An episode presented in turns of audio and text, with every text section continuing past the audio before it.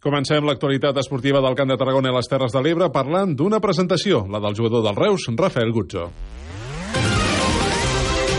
És un migcampista portuguès de 21 anys que arriba del Benfica i que ha firmat un contracte per dues temporades. Gutzo ha estat internacional en Portugal, al Campionat d'Europa Sub-19 i al Mundial Sub-20. Avui també el tècnic del Reus, Nacho González, ha fet la roda de premsa prèvia al partit de Copa de Malcant del Mallorca. Serà el mateix escenari del primer partit de Lliga. Es otro partido, es Copa del Rey, pero bueno, nosotros la respuesta tiene que, que sigue siendo la, la misma y, y, bueno y cada día mejorar ciertos ciertos aspectos no por lo tanto yo creo que bueno contra más más partidos jueves eh, desde mi punto de vista mejor no para, para la adaptación de, de todos y para que el grupo como colectivo vaya, vaya creciendo?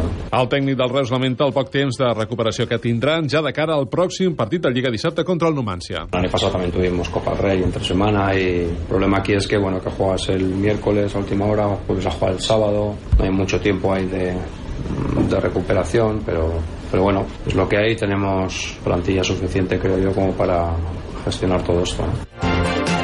El Nancy té també demà partit de Copa, jugarà contra el Numancia al nou estadi. No és el millor moment per als granes que es troben en quadre per culpa de les lesions i pels compromisos de selecció. L'última que ha caigut de la llista ha estat el davanter Àlex López. Anem a fer l'11 que creiem que mirant totes les circumstàncies i fent aquest anàlisi és el que millor, que millor estan per afrontar este partit. No, no es tracta de que aquí no regalem titularitat a ningú. Eh, anem a posar a la gent que pensem que és la idònia per a, per a passar l'eliminatòria independentment eh, de que s'hi han jugat les setmanes anteriors o no. És Vicente Moreno, el tècnic del Nàstic, que creu que tot i la situació precària de la plantilla avui ha volgut ser més positiu que no pas diumenge al final del partit contra el Llevant. L'altre dia, per, per no contradir-me d'alguna forma, no? l'altre dia que vaig dir que possiblement no venia el millor moment, però bueno, faig marxa enrere en el que vaig dir. Eh, jo crec que sí, sempre, jo crec que sempre és agradable jugar un partit de, de Copa del Rei, jo crec que té molt, molts al·licients perquè sempre té possibilitat, independentment de que hem tingut problemes en quant a alguna baixa i tal, són oportunitats per a poder mostrar-se eh, en un altre partit, eh, agafar bones sensacions, de, poder, de poder passar una eliminatòria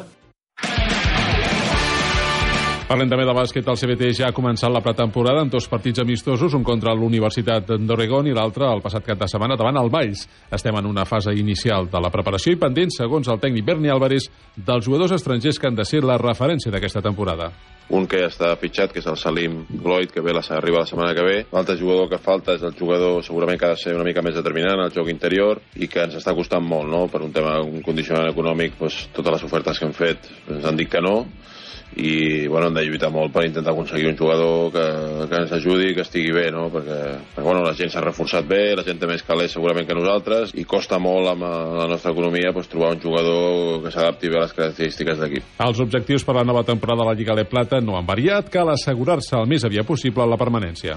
L'any passat vam tindre una, una temporada molt bona, vam acabar setens de la Lliga regular, vam arribar a semifinals del playoff, però la nostra idea inicial ha de ser com a mínim intentar fer amb el paper, amb la mateixa idea de de fer el mateix paper que van fer a la Lliga regular l'any passat, però entenc que, que hi ha dos equips més, que econòmicament hi ha 4 o 5 equips, així com l'any passat ve a la Lliga molt igualada, que s'han disparat a l'hora de, econòmicament poder fitxar, arribar, eh, poder fitxar molts jugadors de molta qualitat i que crec que la Lliga estarà una mica més partida aquest any. I en hoquei patins, avui hi ha partits de quarts de final de la Lliga Catalana. El Reus Deportiu jugarà contra l'Igualada i el Vendrell davant el Noia.